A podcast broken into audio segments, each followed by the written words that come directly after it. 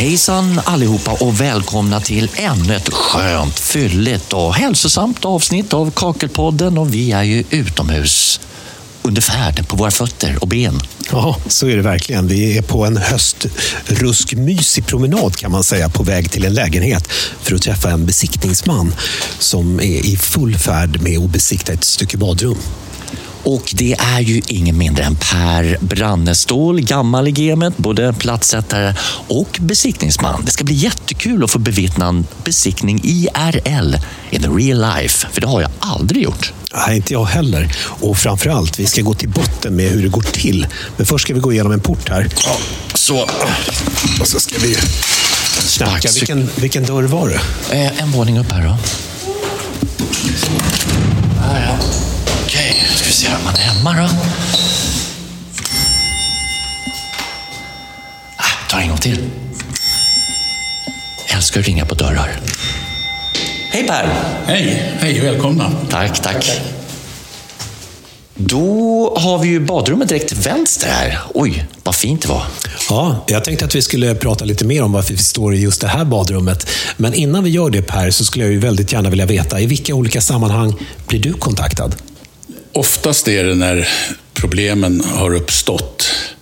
Eh, men det blir vanligare att man gör slutbesiktningar och även att man gör flera steg av besiktningar. Man, trestegsbesiktningar till exempel. Man går och kollar innan eh, tätskiktet appliceras, kanske lite tidigare än det, innan man sätter skivorna.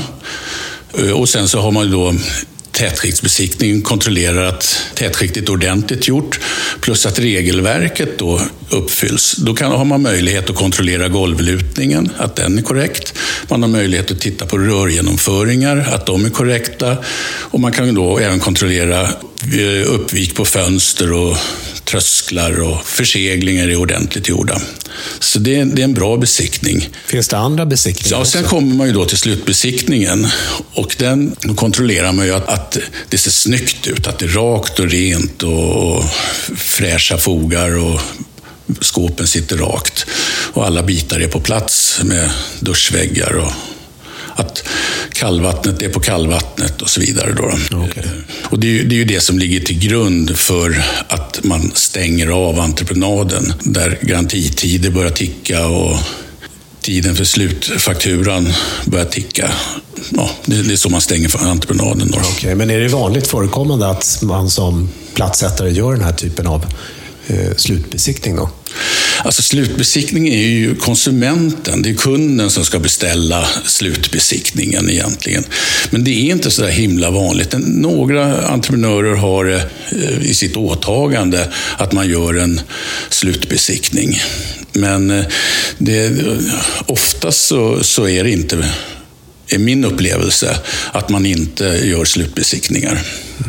Utan besiktningen kommer sen när, när någon inte är nöjd, att det blir en vattenpöl på golvet eller några fogar är ojämna eller någonting sånt där. Borde fler göra en sån här slutbesiktning då?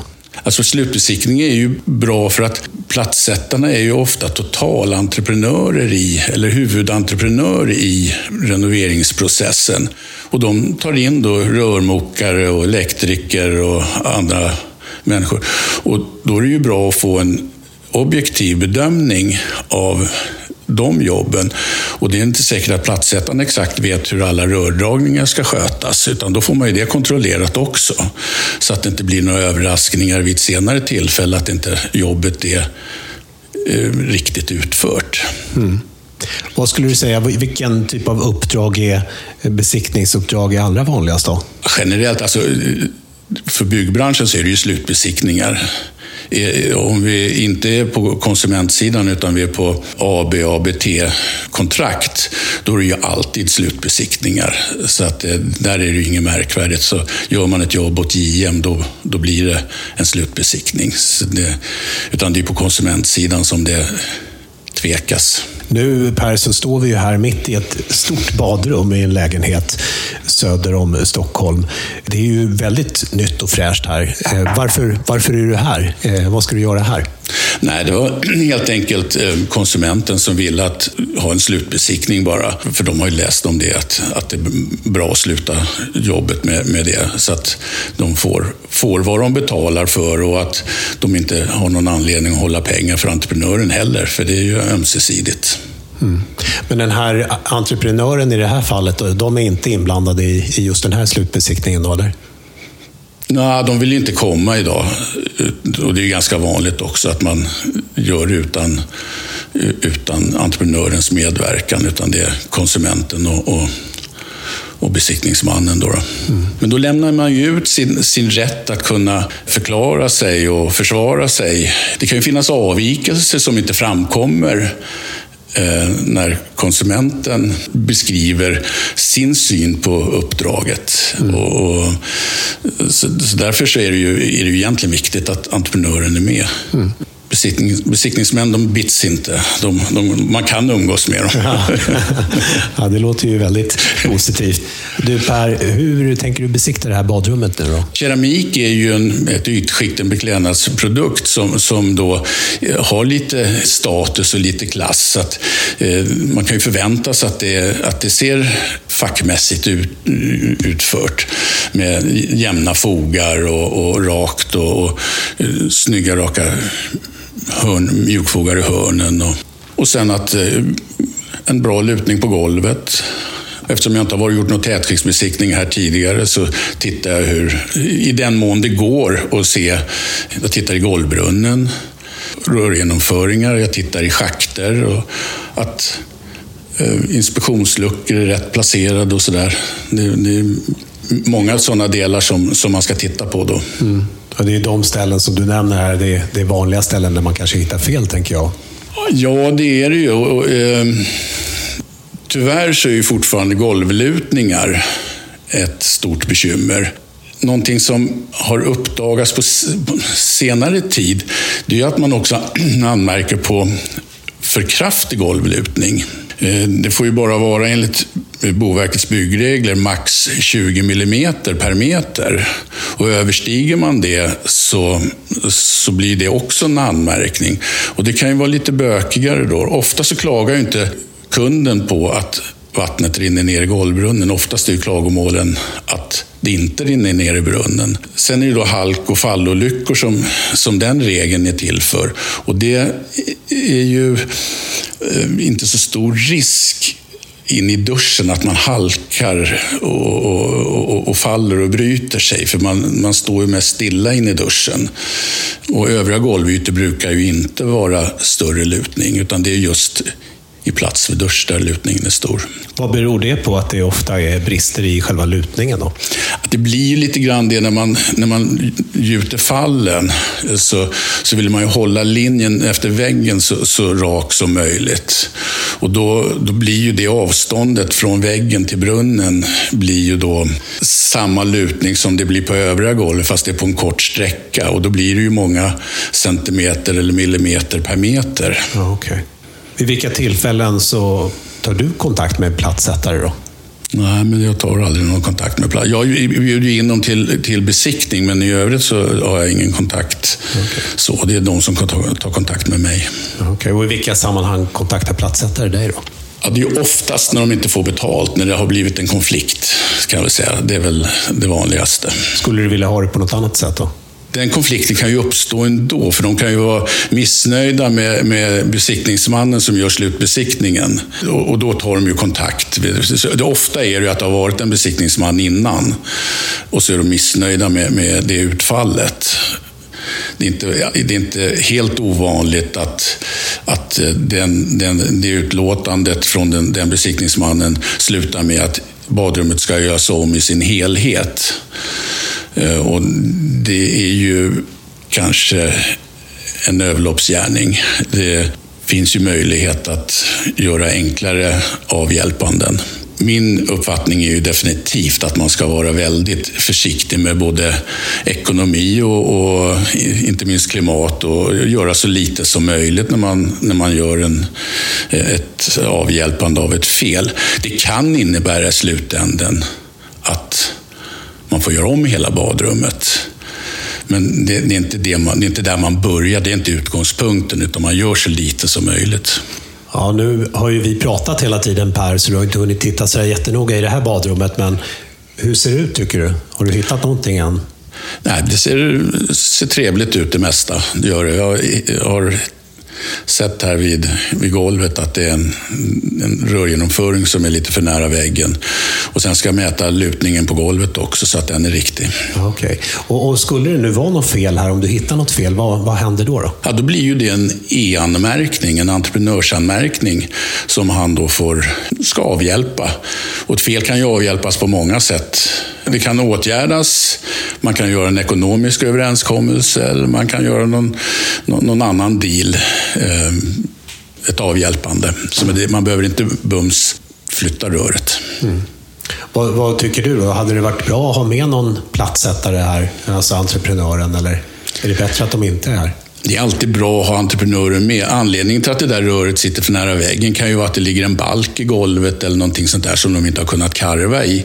Och det hade ju varit bra om han hade kunnat förklara det nu och då, då får man ju göra en notering runt det.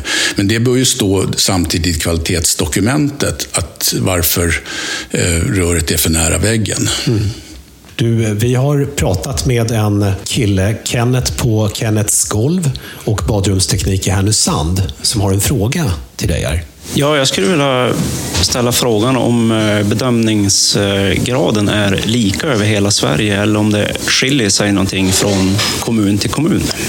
Eh, som grund för bedömningar av, av entreprenaderna eh, så har vi ju då regelverken BBV, Byggkemikrådets regler och vi har ju Säker vatten. Nu rör sig ju Byggkemikrådets BBV bara om tätskiktet, ytskiktet, keramiken. Den, men där har vi ju ett regel, eller regelverk, vi har riktlinjer för färdigt utförande som ligger till grund för bedömning av, av ytskiktet, keramikens utförande. Så att det, det, det, bör vara lika. Den, den, stora skillnaden tror jag ligger i besiktningsmannens erfarenhet av keramiska beklädnader, om det vare sig i badrum eller i köpcentra, golv eller vad det nu är. Ja, men superbra svar där Per. Du, jag tänkte på eh, det här badrummet här nu. Vad har du för moment kvar innan du lämnar den här lägenheten och badrummet? Ja, nu ska jag ju skriva ett utlåtande som jag skickar till eh, entreprenören och till konsumenten eller beställaren.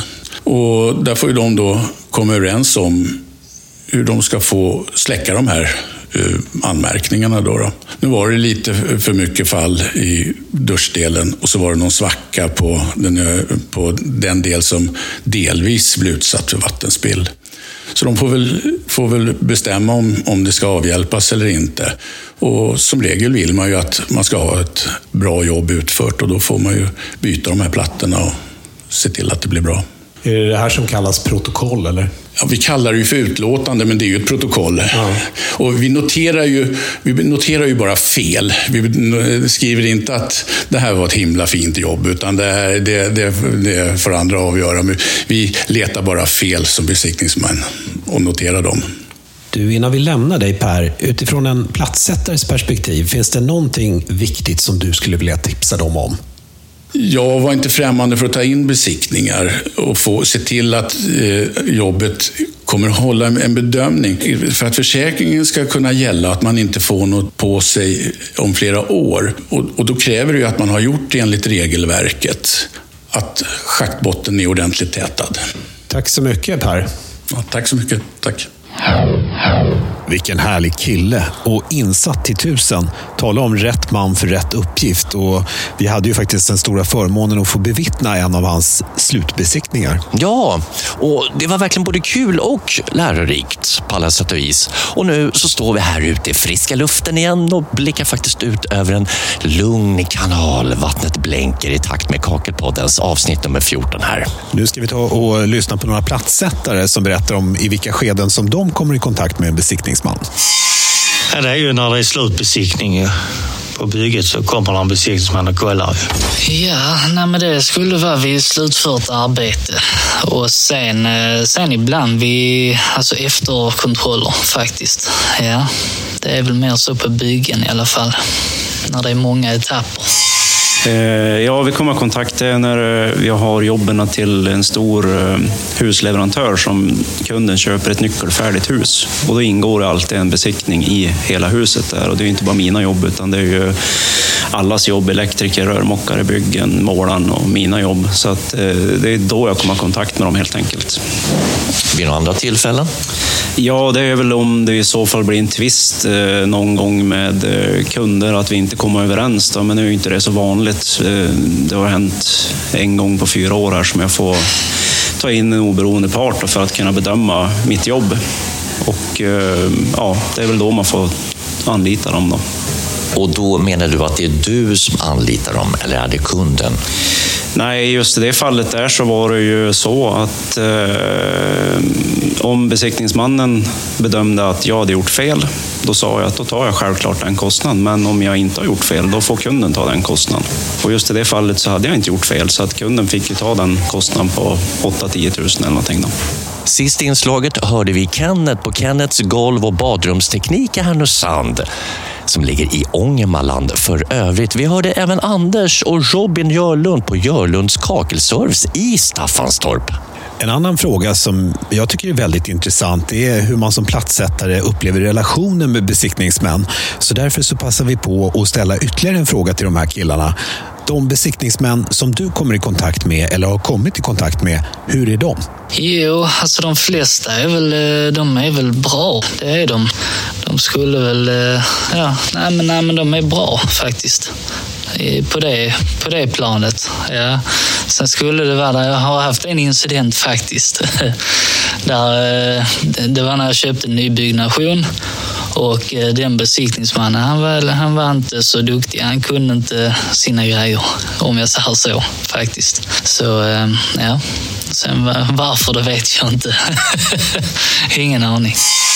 Generellt så är de ju väldigt eh, bra tycker jag, trevliga och, och eh, framförallt så gillar jag när de är sakliga. När de, eh, har vi gjort fel så har vi gjort fel, det är inget mer med det, liksom att vi följer böckerna. Va?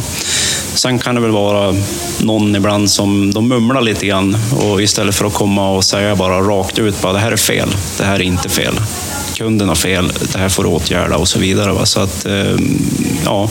Men generellt så är de bra, tycker jag. Det, det, är bra att de finns för att vi ska kunna lösa saker och ting och att det ska vara någon som bedömer våra jobb. För att vissa kunder kan ju vara ett, det kan ju vara ett blyertsprick och de tycker att man ska riva allting. Va? Då är det bra att ha en, en besiktningsman som kan säga att nej, det här är, så här är det, det här är toleranserna och det här är okej. Okay. Ja, de är rätt snälla för det mesta. Det brukar inte vara några mycket anmärkningar, så jag har väl tur. Nu tar vi och sätter en rejäl punkt för besiktningstemat för den här gången, men vi lär sannolikt få anledning att återkomma i ämnet framöver. Nu tar vi istället och dyker ner i årsfaktureringen. Och den som ska ge oss all fakta kring det är ekonomiansvarige på Byggkeramikrådet, Charlotta Liljestam. Ja, snart är det alltså dags för årsfakturering av behörigheten hos oss på BKR. Och det här kommer att ske någonstans i början eller i mitten av december. Vad är det då som är viktigt att tänka på inför det här? Det som är viktigt är ifall ditt företag har bytt adress eller om ni har möjlighet att ta emot fakturan via e-post eller via elektronisk fakturering. Har ni då ändrade uppgifter så ska ni höra av er till mig på min mail på charlotta.liljestam.bkr.se. Eller så kan ni gå in på vår hemsida bkr.se för att se alla kontaktuppgifter. Vad händer då om man inte får fakturan? Skulle det vara så att ni mot förmodan inte har fått någon faktura i december så hör ni av er till mig. För det är nämligen så att får vi inte någon betalning från er efter påminnelse så kommer ni dessvärre bli avstängda. Och då får ni söka behörighet på nytt med ny ansökan till oss. Och när man har betalat behörigheten, vad händer då? Jo, när man sen har betalat behörigheten så skickas ett litet kit med behörighetsbevis, nya bildekaler och årskalendern ut. Och såklart, ni kan ju alltid höra av er till mig om ni undrar över någonting. Ring då på växelnumret och tryck ekonomi så kommer ni garanterat rätt. Du, på tal om ekonomi. Jag har faktiskt några riktigt bra ekonomiska tips. Två appar som hjälper dig och våra lyssnare att spara pengar. Men hallå, hallå, hallå, hallå Marcus. Det här är inte någon ekonomipodd, hallå? Nej, nej, nej, det är sant. Men jag tänker att alla gillar väl tips där man kan spara lite stålar. Nej, men nej! Lite snabbt bara. Ja, okej. Ja. Matpriskollen. Eh, Den hjälper till att hålla reda på matvarukedjornas erbjudande och extrapriser för varje vecka. Nej, men lägg ner, det där behöver man ingen app för vet jag. Det är ju bara att kolla in extrapriserna i affären. Ja, men det är smidigt med en app. Du, en annan då. Mina tjänster, det är en app som hjälper dig att hålla koll på dina abonnemangstjänster och fasta kostnader. Och så bara använder man BankID och så synkar det med appen och så ser man vilka liksom, abonnemang man har och så kan man få förslag då på bättre och billigare abonnemang. Nej, men vad är det här? Kan vi lägga ner? Sluta nu! Ja, ja, ja, visst, absolut. Det är skitbra, så tycker du kanske. Men, men något som är riktigt, riktigt relevant i appväg här i Kakelpodden, det är förstås Byggkeramikrådets app. Och jag stämde träff med Nathalie Örn på BKR häromdagen och hon har lite nytt att informera omkring den nya appen. Ja, men så är det. Vi har först och främst lite småsaker eh, som uppdateras främst i webbläsaren först, om ni är inne via datorn. Men som sen också kommer i appen såklart. Och det är småsaker som att det är en versal när du ska skriva eller namnge projektet. Eh, din platssättare och arbetsledarna, de ligger i bokstavsordning. Det är också en tydlig rubrik när du är i projektet eller när du är i ett kvalitetsdokument. Det kommer också bli mycket tydligare i att du ska scrolla bland tätskiktsleverantörerna. Sen så har vi ju en liten större del också som vi har fått många frågor om. Och det är ju det här med vad vi kallar default. Med det du fyllde i i förra kvalitetsdokumentet, att det ska automatiskt hoppa in i nästa dokument. Och det är på gång, men inte riktigt klart än. Det är lite mer avancerat än vad man kan tro att fixa sådana grejer. Men det är på gång. Eh, så tills dess så har vi gjort så att eh, när du fyller i din tätskiktsleverantör, då automatiskt poppar de upp i de två fälten som ligger nedanför. Så så är det. Det är det som är i loopen för upp, nästa uppdatering av appen. Den där appen kommer i förlängningen göra underverk för allt fler i branschen. Inget snack om det när allt fler lär sig att hantera den såklart. Mm, alldeles riktigt. Förresten, den 18 november så kommer ju nummer två av tidningen Lera ut. Och för dig som inte känner till Lera så är det en fullmatad tidning med aktuella nyheter, personporträtt, trendspaningar och andra intressanta keramiska projekt ifrån hela världen faktiskt. Och snygg är den också. Men lera är ju, glöm inte det, det är också en finkornig jordart där över 15 procent av vikten består av partiklar med en diameter på mindre än 0,002 millimeter.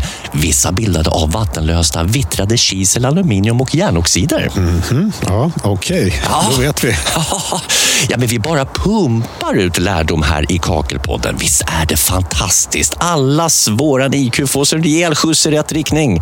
Och det är en ständig ambition, medvetet, från vår sida. Ja, du har humor du Leif. Ja. Du, nu ska vi ta och lyssna på veckans kompis som är återkommande i varje avsnitt. Det är helt enkelt en episod om något som gått snett. Antingen är det berättaren själv som har varit med om någonting eller så är det en kompis inom situationstecken som har tabbat sig. Det här är ingen riktig kompis, utan det är en kund som ringde till oss eh, en gång i tiden och frågade om vi kunde komma och kolla vad de kunde göra åt sitt golv. De hade lagt golvet själva och fogat själva. Vi sa vi kommer väl ut och kolla på det. Och eh, tittade. De hade lagt plattor i sitt garage, fogat, men inte tvättat av golvet. De hade fått inspiration av ett tv-program. Ja, man ska inte lyssna på honom. Eller kan man göra det? Men de hade gjort det. Och vad hade hänt? Ja, man ska väl inte lyssna allt för mycket på honom. För eh, enligt dem så hade han, jag har själv sett det i tv-programmet, han sa att när man har fogat så kan man gå därifrån en stund och göra någonting annat. Sen kan man gå och tvätta av. Och det är väl det sämsta tipset man någonsin kan ge till någon amatör framför allt. Vi som är proffs, vi fogar golvet så tvättar vi det. Så vad blev konsekvensen av det här då? Att eh, vi fick slipa av plattorna, lägga nytt golv och göra rätt och riktigt. Om ett par veckor då är vi tillbaka igen och då kommer vi fokusera på ett nytt ämne här i Kakelpodden. Och är det något särskilt du vill att vi ska ta upp? Mejla på info.bkr.se. Det är dags för oss, Marcus Trautman, Och Leif Getelius, och säga som plattisen Janne. satt platta sitter.